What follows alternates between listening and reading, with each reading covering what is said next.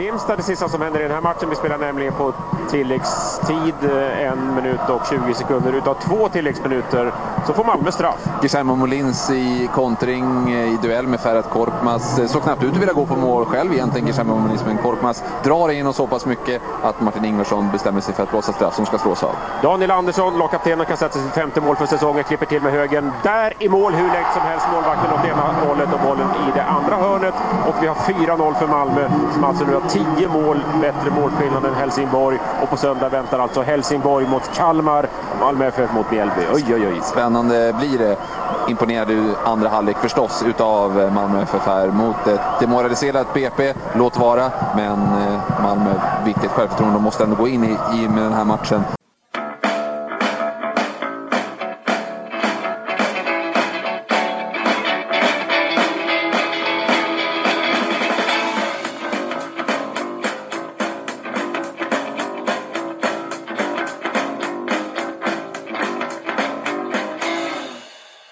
Och välkomna till coachpoddens åttonde avsnitt av säsong två.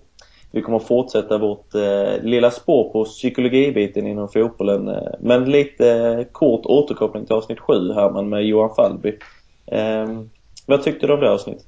Jag tyckte det var trevligt att Johan som har mycket att göra i Köpenhamn avsatte eh, nästan en timme med oss och eh, diskuterade hur de jobbade där nere. Vad hade du för reflektion från eh, avsnitt sju? Jag tycker eh, han eh, förklarar utförligt eh, och ger hyssade tips hur man kan göra i sin egen verksamhet. Jag hade en liten reflektion dock att man pratar mycket om den fysiologiska biten, att det ska hända på fotbollsplan. Att man ska inte ut och springa en mil. Och han var inne på att man skulle ta en träning och sätta sig och diskutera beteenden. Men jag ställde mig lite så här när jag stod och diskade där hemma att kan man inte göra det på fotbollsplan direkt utan att försaka fotbollstid? Det var en liten sån kort reflektion jag hade efter avsnittet vi spelade in.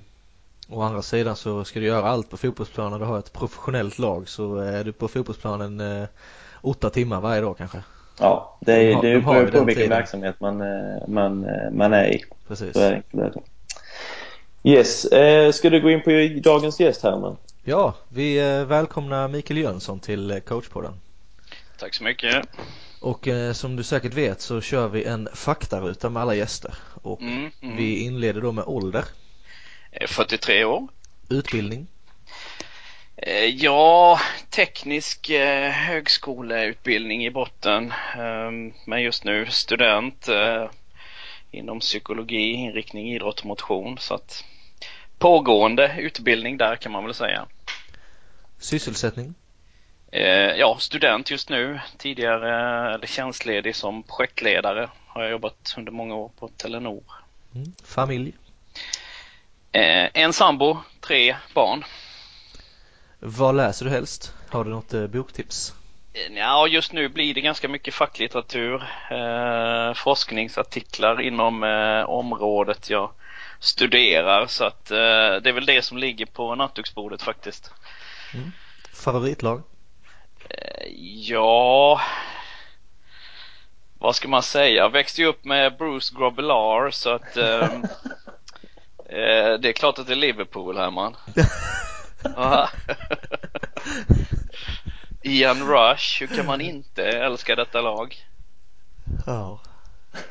Vi, vi får snart starta en Liverpool-podd, eh, Rasmus. Ja, det känns så faktiskt. Ja. ja, så blev det ju. Eh, uppväxt där med, med de där lirarna så kunde man ju inte låta bli.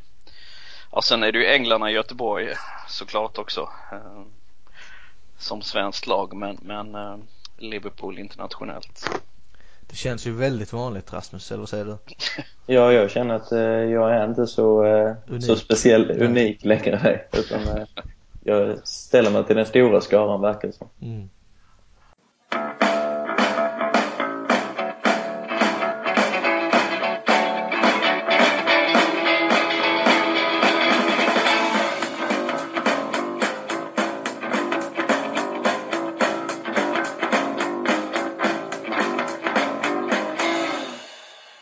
Välkommen tillbaka till avsnitt 8, säsong 2, coachpodden.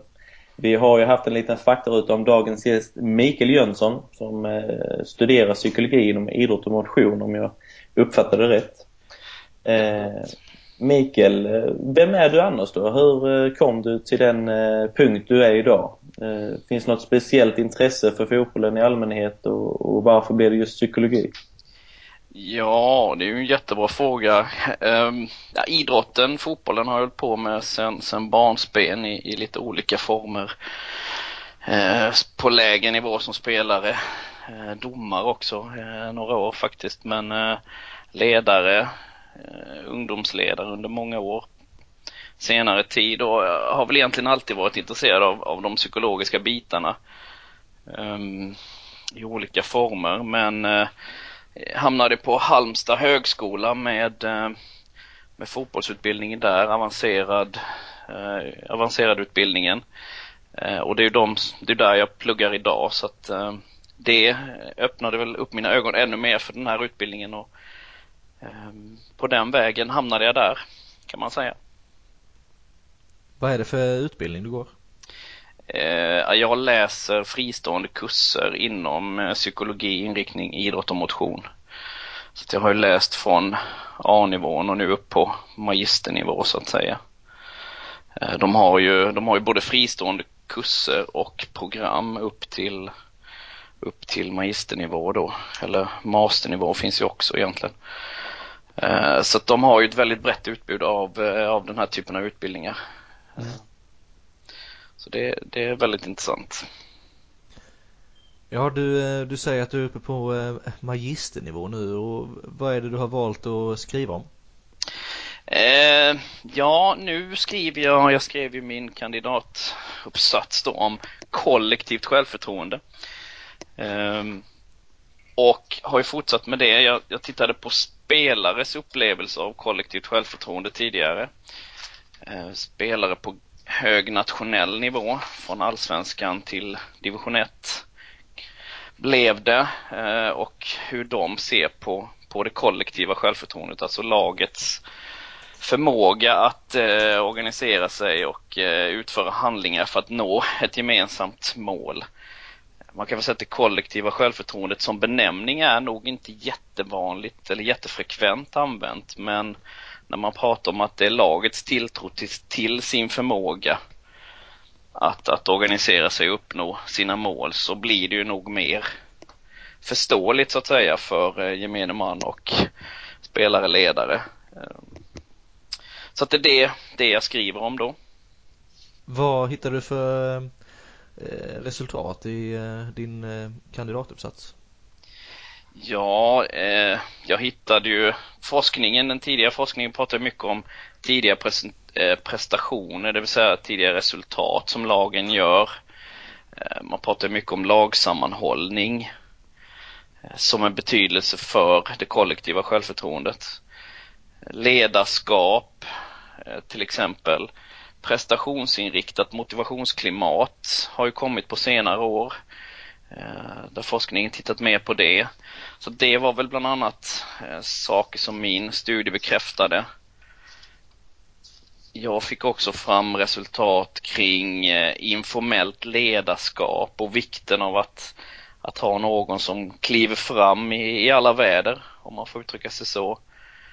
Eh, gemensamma mål eh, beskrev spelarna vikten av att, att faktiskt ha en gemensam bild av vad vi ska och hur vi ska uppnå det så att det inte bara handlar om resultatmål utan att du bröt ner det i prestationer eh, kommunikationen mellan spelare inom laget, både på och utanför planen, att man faktiskt kunde lita på varandra, man visste var den andra fanns, man, man kunde säga vad som helst.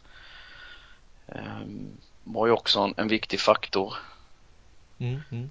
Uh, det var ganska mycket värdegrunder, att man liksom hade samma, uh, samma värdegrunder, pratade en del av spelarna också om, som en viktig faktor. Det, det är ett ganska brett och mångfacetterat uh, område eller kollektivt självförtroende har beroende till många källor egentligen. Um, Litet stickspår. Uh, du sa uh, någon som kliver fram i alla väder.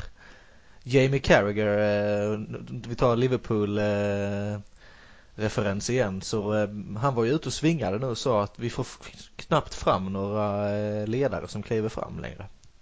Jag bara tänker, det blir en parentes men du var ju inne och berörde på det. Eh, alltså vad kan det bero på eh, tror vi? Frågan kan vara både till Rasmus och Mikael. Ja, jättebra fråga. Alltså, jag tror ju mycket att mycket handlar om att man att får försöka, om man då tittar på ungdomsutveckling, alltså ungdomsfotbollsspelare, att man, man får hjälpa dem eh, att, att leda sin egen utveckling, att eh, faktiskt kliva fram och förstå vikten av det. Sen vad det beror på att vi inte får fram så många har jag nog egentligen inget svar på men men där vi som tränare behöver hjälpa ungdomarna att, att ta de stegen tidigt. Det har, har det också med psykologi att göra? Alltså ehm, att våga göra det? Eller alltså är det en fysisk eh, egenskap att kliva in i alla duellerna? Eller alltså vad är det för ledartyp man, man letar efter liksom?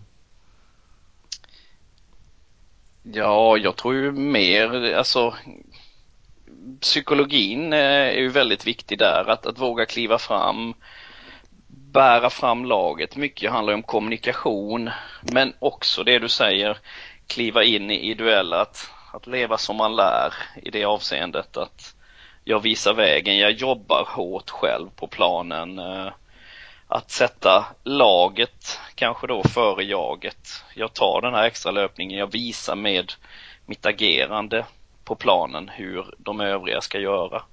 Den tror jag är viktig och det lägger jag i, i det informella ledarskapet så att säga eller ledaren på planen då. Men det viktiga här kan jag ju anse att man inte slänger sig alldeles för mycket med floskler eller liknande utan att man verkligen benar ner som Falby har varit inne på även eh, tidigare gäster när vi har pratat talangutveckling att man, att man definierar vad är liksom att eh, kliva fram och bära laget. Ja, det kan ju betyda hur mycket som helst för alla olika sorters människor. Och det är ju där psykologin också liksom jag ser ju framför mig nu att eh, lagkaptenen har alla på sina axlar när du säger att någon Ja men laget. om man ska dra det till sin spets så är det ju så. Eh, jag har en uppfattning om att men den spelaren, den fanbärare, den kommer in och liksom Ja men om jag säger det till Herman så kanske han ser det på ett, ett sätt och du Mikael ser det på ett sätt. Så att det viktiga där är ju att man, som faktiskt Falby var inne på lite också, att man bryter ner det till vilka beteenden är vi ute efter. Och sen mm. så därifrån kan man då sätta kanske lite mer diffusa titlar på sådana spelar. Mm. Ja, jag håller helt med dig där. Alltså, men mycket handlar ju om att försöka, som du säger, ha, ha en gemensam bild av de beteendena och, och det handlar ju om att bryta ner det till beteende att, att jobba trots att laget är i motgång. Eh, exempelvis ser jag som ett exempel där. Eh, att man, att man kliver fram och inte liksom viker ner sig i de lägena. Men, mm. mm. Men det, ja exakt, jag är helt med på vad du menar. Eh, det gäller ju bara som sagt att, att förtydliga vad, vad betyder det att kliva fram? Ja det är att gå in i en tackling stenhårt på det här och det här sättet. Då visar vi karaktär eller ja, etc. etc. Mm. Mm. Men att vi bryter ner det så att vi verkligen är säkra på att varje spelare i vårt lag eller varje spelare i vår organisation och varje ledare vet vad vi pratar om när vi säger vissa uttryck. Ja absolut, det är, den är jätteviktig. Annars är det, det är väldigt lätt att det bara blir floskler och så blir det inget agerande. Då pratar vi men då gör vi inte alls det vi säger. Exakt. Du var ju inne lite på det Mikael, men vad säger forskningen på eh, det kollektiva självförtroendet? Ja, eh, jag, jag, började ju där så att säga, men, men tidiga prestationer, lagsammanhållning ser de ju som viktigt. Mm. Um, två parametrar som, som uh, är starkt förknippade med kollektivt självförtroende. Mm. Uh, även ledarskap. Men, jag tänker, alltså kollektivt självförtroende. Hur, hur ser det ut när ett lag har ett kollektivt självförtroende? Hur ser det ut när ett lag inte har kollektivt självförtroende? Ja, det som spelarna i min tidigare studie beskriver handlar ju om att det flyter på, eh, flow, det känns lätt. Eh, det bara rullar på. Beskriver man eh, situationen situationerna att, att man eh, man tror på det man gör och eh, man uppnår ju resultat. Man gör bra prestationer. Man tar de här extra löpningarna har, har spelare gett exempel på. Man jobbar för laget, man peppar varandra. Kommunikationen är hög. i ett lag med högt kollektivt självförtroende. Man hjälper varandra kan man väl säga. Det jag har sett hur, då. Hur kopplat är detta, nu bryt, avbryter jag dig igen, men hur kopplat är detta till resultat? Jag, jag tänker mig att, nu behöver inte nämna ett lag, men om vi tittar på fotbollsallsvenskan kan, kan det, de här positiva delarna du beskriver nu vara ett lag som ligger sist i allsvenskan? Ja, det är väl, det är väl eh, frågan det. Alltså ligger man sist i allsvenskan så, så har du ju troligtvis förlorat ganska många matcher. Och en av parametrarna eh, som kollektivt självförtroende har en stark koppling till handlar ju om det tidigare resultatet så att säga. Mm. Så det har jag nog lite svårt att se. Alltså du har inte den här höga energinivån i laget, du har inte den kommunikationen. Det är väldigt resultatstyrt man råd. Ja, ja det tror jag. Alltså det är en viktig parameter i det kollektiva självförtroendet. Mm. Eh, med, med, ett stabilt resultat så att säga och just det exemplet du ger med, med ett bottenlag efter första omgången så kan det väl fortfarande vara, första två, tre omgångarna kan det fortfarande vara, ha ett högt kollektivt självförtroende men men har halva serien passerat och du fortfarande ligger där så är väl sannolikheten lägre att, att det finns ett högt kollektivt självförtroende där. Mm, mm. Ja, du gav ju exempel på hur det hur det ser ut när ett lag har eh, ett bra kollektivt självförtroende. Är det bara raka motsatsen då eller finns det några konkreta delar man kan peka på när det inte finns ett kollektivt självförtroende? Ja, jag vet inte om det är så konkret, men väldigt mycket handlar ju om, om eh, alltså att det blir lägre eh, irritation mellan spelare. Man lyckas ju inte uppnå de resultaten man vill. Man, man kommunicerar, man kanske irritation mellan spelare. Till exempel man jobbar inte fullt ut, tar inte de löpningarna som kanske behövs eh, för att möjliggöra andra uppspel. För lagkamraterna till exempel. Alltså man, man jobbar inte så hårt som man gör i, i ett lag med, med högt kollektivt självförtroende skulle jag säga. Mm, mm. Det är mer jaget då än laget? Ja, lite så. Eh, man ser till sin egen, man vill inte vara den som, som blir syndabock i, i ett lag med, med lägre kollektivt självförtroende. Eh, man blir eh, mer rädd att misslyckas så att säga. Man kanske spelar safe, mer safe. Man mm. vågar inte kliva fram i, i olika situationer. Du pratar ju om det här med att eh, om du har ett lågt kollektivt självförtroende så spelar man mer safe. Man vill inte vara den som eh, är syndabock. Kan man vända det eh, när det är ett bra kollektivt självförtroende så kanske man ändå sätter sig själv främst för att man vill vara den som står i centrum och gör alla målen och eh, liksom vara stjärnan i laget. Och kan det påverka det kollektiva självförtroendet till det sämre också? Ja, det tror jag ju. Alltså, det finns ju lag som har de här stora stjärnorna som, som anser att det är viktigt att de syns och att de eh, gör de här målen. Eh, vilket såklart kan påverka ett lags kollektiva självförtroende. Sen i, i vilken utsträckning, det, det, är ju jättesvårt att säga. Så går det bra och du, du vinner så, så, så kanske man är mer överseende med det, alltså har mer överseende med ett sånt beteende. Mm. Det kan ju bero lite på vilket lag de tillhör också. De gjorde en sån reflektion igår tycker jag som man kan koppla till eh, kollektivt självförtroende i eh, studion på Viasat eh, under matchen Barcelona-Arsenal. När Suarez, då visade de ett tydligt exempel då, passade till Neymar när han kom längs kanten och så gjorde Neymar 1-0 mot Arsenal. Eh, och då menade, jag vet inte om det var Magnus eh, Persson eller om det var eh, eh ja, jag kommer inte ens ihåg. Ola Andersson. Ola Andersson som var det som satt i studion. Eh, som sa då att ja men i Liverpool när Suarez eh, hade haft den här situationen då hade han gått ner själv och försökt avsluta. Men nu i Barcelona så spelar han till Neymar för att då, på ett annat sätt kanske han underkastar sig laget. Mm. På grund av att det är i Barcelona. Problemet är, är väl att den givna fixstjärnan. Löpningen hade väl inte kommit om det hade varit Liverpool som Nej, det vet man inte. Sturridge som kan ta den löpningen sitter väl bara på bänken. Ja, eller är skadad. Skadad alltid. Ja. Nej men det ligger säkert en hel del i det. Eh, som jag ser det. Mm, mm. Ja om vi eh, Alltså, nu har vi ju lite benat ut kollektivt självförtroende och att det finns ett flow eh, när man har detta. Jag tänker, hur skulle man kunna jobba för att få ett kollektivt självförtroende i ett lag? Ja, det är ju en jättebra fråga. Jag tror ju, och som, som eh, spel, vissa spelare i studien också pekade på, så, så pratar man ju om att, att ha ett prestationsinriktat motivationsklimat. Eh, tittar man på ungdomsfotboll så tror jag det är jätteviktigt. Eh, men där man tittar på prestationen, för i slutändan är det ju just den du kan påverka.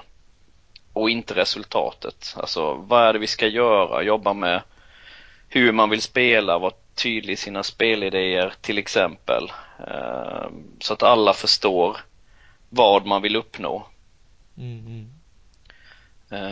Och, och, att prioritera prestationen i det läget. Även, även när du kommer upp i, i allsvenskan till exempel så, så är ju prestationen det du behöver eller kan, kan påverka.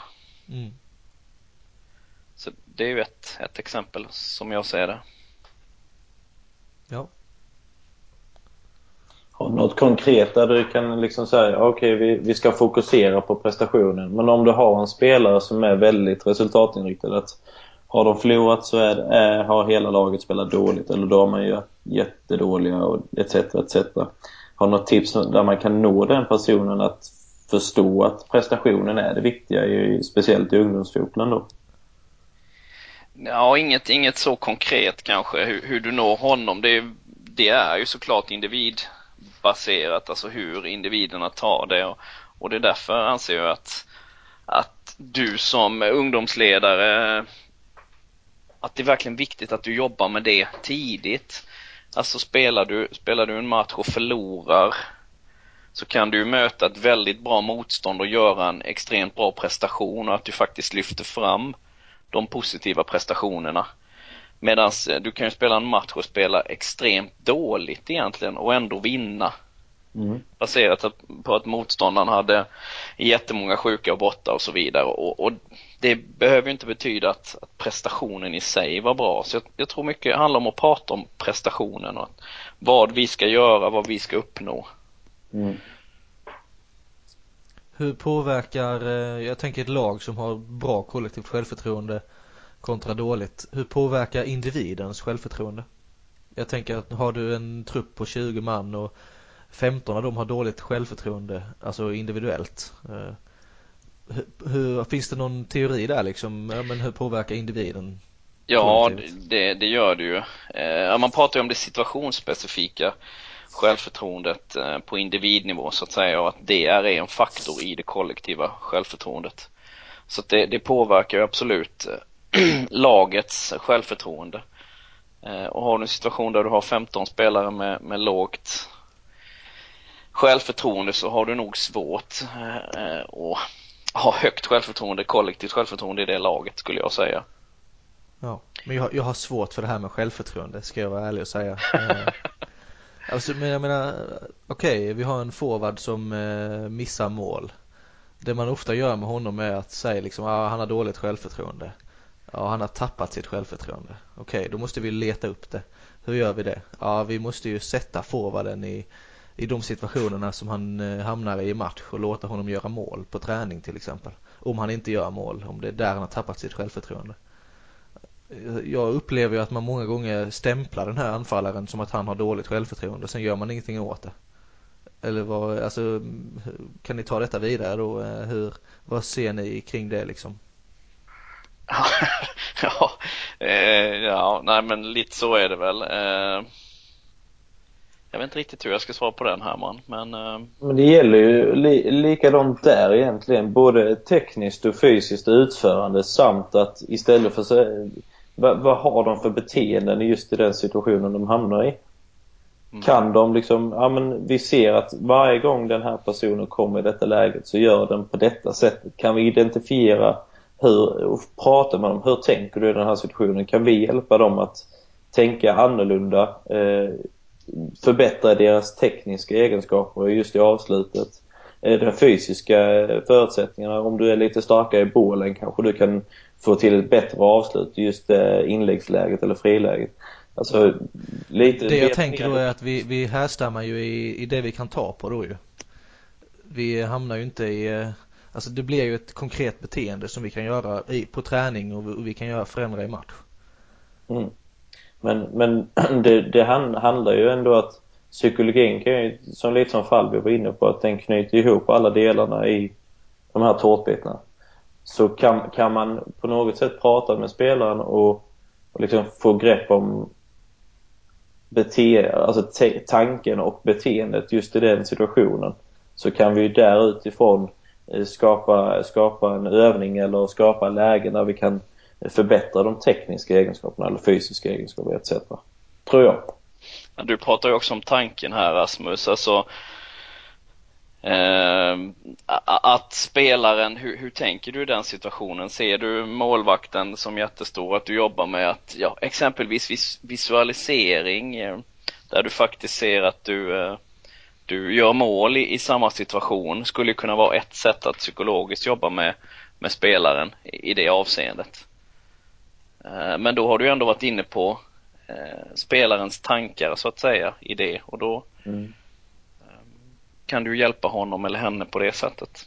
Men kan man istället kombinera det då med att träna spelaren för att tänka, alltså om vi tänker bort visualisering, att spelaren får göra det på fotbollsplanen mm. men samtidigt att då tänka att, eh, mål, att man ser nätet till exempel istället för målvakten. Mm. Ger inte det ännu större effekt? Det skulle du nog kunna göra. Mm.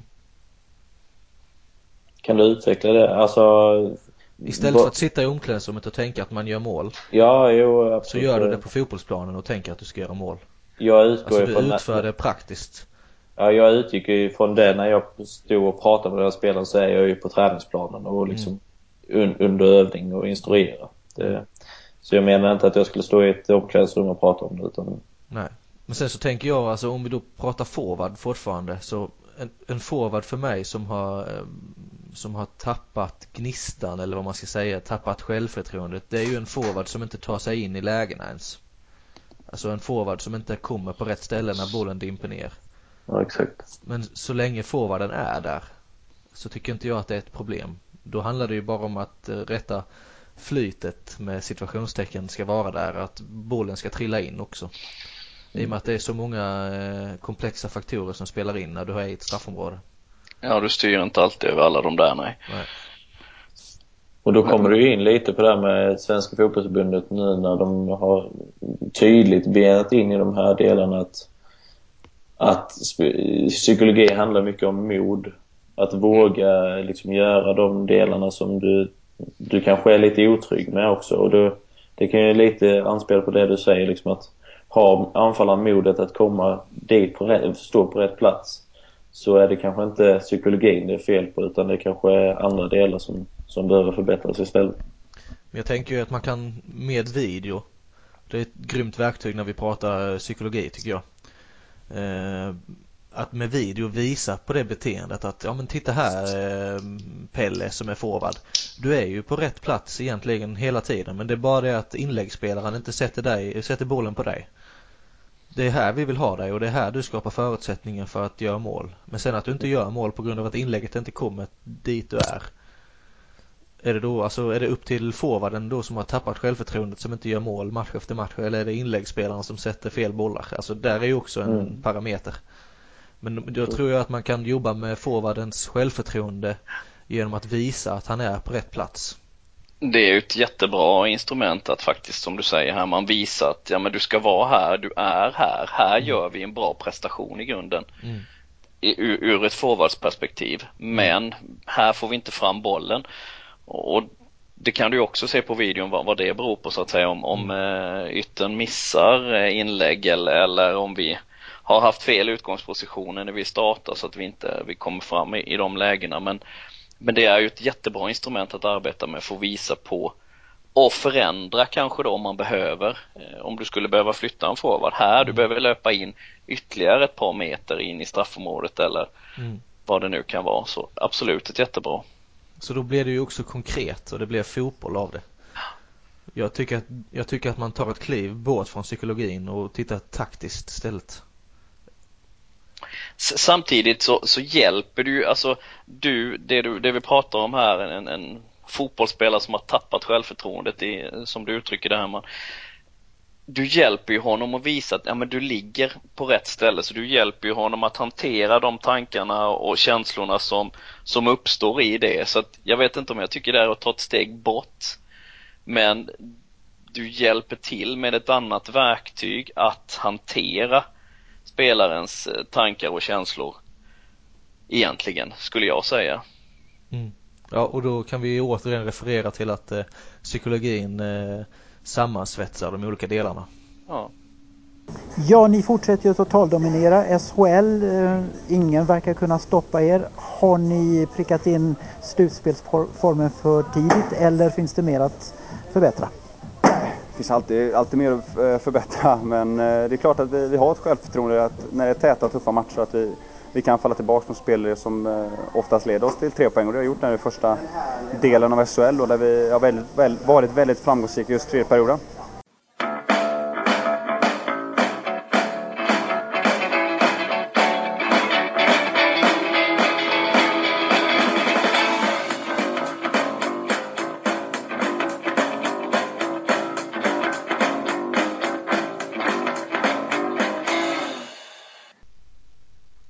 Välkommen tillbaka. Du lyssnar på coachpoddens åttonde avsnitt på vår andra säsong. Vi gästas av Mikael Jönsson som just nu läser idrottspsykologi eller psykologi med eh, motion eller idrott och motion.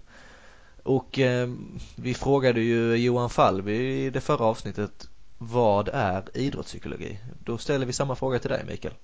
Ja, eh, och så refererar du till Falby. Eh, det blir prestationsångest där direkt men Titta inte på resultatet nu utan det är din prestation vi är ute efter. Precis.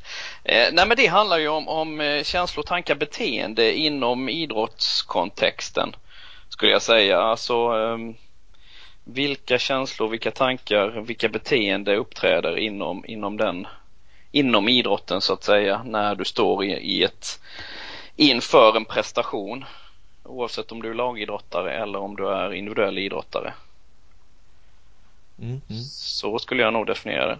Ja, det låter ju klockrent. Ja, tack. ja, då är vi klara för idag. Ja, tack, tack.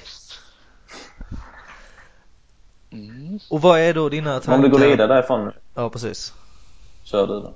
Och vad är då dina tankar utifrån det? Hur skulle vi kunna arbeta med det Eh, Eh, hur skulle vi kunna utbilda fotbollsspelare ur ett eh, idrottspsykologiskt perspektiv? Ja, jag var ju inne på det tidigare. Jag tror ju mycket på, på det här prestationsinriktade motivationsklimatet. Att vi faktiskt sätter prestationen framförallt på ungdomssidan, eh, juniorsidan, prestationen i, i första rummet. Det tror jag är en av nycklarna.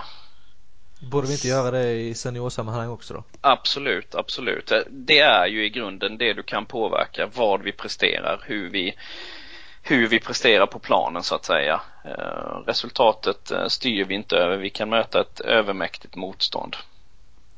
Så Jag absolut. Tänker, vi pratar ju i grundfrågan så är det ju att vi ska utbilda fotbollsspelare. Eh, jag tänker mig, finns det olika eh, psykologiska färdigheter som är fördelaktiga att träna i vissa åldrar? Om vi då tänker en systematisk utbildning över flera år, idrottspsykologiskt. Oh, du tar mig lite på sängen här. Eh, om det finns olika psykologiska färdigheter, alltså spelarna utvecklas ju olika ja. i, i olika takt så att säga. Så att du kan ju ha ett ett, ett ungdomslag där, där du har eh, en utveckling som skiljer sig ganska mycket åt på spelarna. Eh, men att Ja, jag vet inte riktigt hur jag ska svara på den här man. För jag vet, i, eh, alltså om du tittar då på förbundets material igen mm. så, så finns det liksom, ja men eh, när de börjar spela fotboll så är det väldigt egocentrerat. Det är mm. jaget. Ja men då måste det finnas någon psykologisk färdighet som är mer fördelaktig att träna när det är mer jag-centrerat. Medan när de blir kanske 12, 13, 14 utan att veta exakt så kanske de inser att det finns någon man kan prata med, någon man kan samarbeta med för att nå ett bättre resultat. Då kanske man har vissa färdigheter liksom kommunikation kanske kommer in mer i den delen och vad säger forskningen eller har du någon eh, Nej, jag har nog inte riktigt, eh, nej jag kan nog inte riktigt ge dig bra svar där tyvärr. Nej. Um, det är såklart att du jobbar med, med olika saker i, i, olika åldrar och när, när de kommer upp, alltså en, en fysisk och, och, psykisk mognad, så, eh, eller framförallt den psykiska mognaden då, så, så kan du jobba med, med andra saker när de blir lite äldre. Så eh, till exempel kommunikationen, eh, hur du kommunicerar, hur du vad du visar på planen, inte bara vad, vad, du liksom verbalt uttrycker utan också ditt kroppsspråk, att det påverkar dina lagkamrater. Eh, Sådana dialoger kan du ta med spelarna och, och tydligt visa. Mm. Att, att här eh, stärker du laget med den här kommunikationen men samtidigt så kan du sänka laget med, med eh, ett, ett, negativt kroppsspråk där du tydligt visar att eh, ja, missar eller blir besviken på lagkamrater genom att visa då med, med kroppen att det där var inte bra. Mm. Så att, eh, och då kanske du är uppe i ja, 15-årsåldern framåt egentligen. Ja. För jag tänker i, i fysisk mognad så kan det ju skilja någonstans mellan fyra, alltså plus minus fyra år. Mm. Är det ungefär samma i psykologisk mognad? Jag har inga exakta siffror. Men, men jag har ju läst om också där och, och det skulle jag tänka mig att, att det är på samma princip åtminstone. Mm. Så, men där tycker jag det är lite lustigt när man vet om att det är plus minus fyra år och ändå så är det ofta så att man sätter generella utbildningssystem för de här individerna. Nu kommer vi till en väldigt bred fråga men eh, ja det här känns ju eh, likadant med det psykologiska. Alltså man bör ju, tror jag, individualisera det betydligt mer. Vilket är svårt när man pratar breddidrott. Ja, det är ju där, det är där breddidrotten har sin stora utmaning. Du har eh, mycket ungdomar och eh, kanske inte i samma utsträckning eh, ledare att möta upp där och, och, därför har man väl skapat liksom en, en generell utbildningsplan så att säga. Mm. Eh, sen är det ju viktigt att, att utveckla individen och att se var befinner sig individen i förhållande till det. Mm. Eh, och förstå det som ledare också. Men om vi får ut något konkret från, eh, alltså vad är idrottspsykologi? Vad är dina tankar kring hur vi kan utbilda spelare psykologiskt till att få ner det konkret i varje träningspass och varje match? Hur skulle du som fotbollstränare Mikael kunna utbilda dina fotbollsspelare idrottspsykologiskt i varje träningspass, i varje match? Ja, ni, vi har ju varit inne på det så att säga. Kommunikationen är ju jätteviktig. Eh, du skulle ju kunna prata om, om kommunikationen och ha med den i tillfällen. Du pratade tidigare själv om mod Herman, att våga göra saker som man inte är jättebra på. Eh, ungdomsfotboll, spela med fel fot eller kliva in i situationer som man inte är, har gjort tidigare och att att jobba med det modet skulle man ju absolut kunna göra. Um, hjälpa spelarna att leda sin egen utveckling låter ju som en floskel uh, förvisso men, men att, att få spelarna att reflektera över vad, vad gör vi på träningen? Vad är det, vad är det jag har gjort bra till exempel? Mm. Vad har jag gjort bra på dagens träning? Att du tar en sån dialog i gruppen efteråt till exempel. Eller du kan använda en, en träningsdagbok där de själva reflekterar över när de blir lite äldre. Mm. Eller i, i en yngre grupp, prata om vad var det vi gjorde bra idag? Att, att du faktiskt får dem att, att tänka till. Mm. Tycker jag kan vara ett, ett, praktiskt exempel på, på saker som du ganska lätt och enkelt som tränare kan göra. Mm. Hur gick det i matchen? Hur många mål gjorde du? Kanske, eh, kanske inte är just den frågan du ska ställa utan vilka prestationer Eh, du kan ju prata innan om vad du ska göra, vad vi vill ha ut av dagen. Mm. Vi vill spela på det här sättet, vi vill spela upp där. Hur funkade det? Mm. Eh, vad kan vi, kan vi göra någonting annorlunda för att det ska funka bättre eller så att man följer de riktlinjerna som laget har satt upp. Mm. Och kanske inte då fokusera på resultatet. Nej. Men jag tänker, alltså vi lägger ju x antal timmar med våra grupper och sen kommer de hem till föräldrarna och så får de direkt frågan Ja men eh, hur gick det i matchen? Hur, gick det? Ja. hur många mål gjorde du? Ja, det alltså, är ju... raseras allt det vi jobbar för då eller hur? rasera skulle man väl inte säga. Det, det beror på, har vi jobbat med ett prestationsinriktat motivationsklimat så, alltså resultatet är ju ändå en naturlig del av idrotten. Du kommer inte ifrån det anser jag. Men eh, där kan det också handla om, om föräldrautbildning, att de istället frågar om det var faktiskt var roligt att spela matchen. Eh, och där kan ju vi som ledare faktiskt ta den dialogen med föräldrar på föräldramöten. Mm. Eh, det har ju funnits, jag har själv upplevt exempel där, där barn får pengar för att de har gjort mål och så vidare. Ehm, det är kanske inte de bästa exemplen eh, eller bästa sättet du kan bidra som förälder. Nej.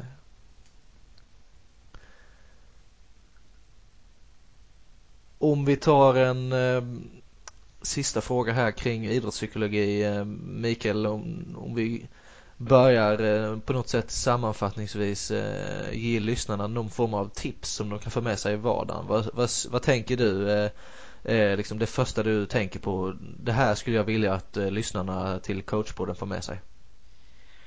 Ja, jag, kom, jag kommer nog tillbaka till det prestationsinriktade klimatet, att du jobbar med prestationen.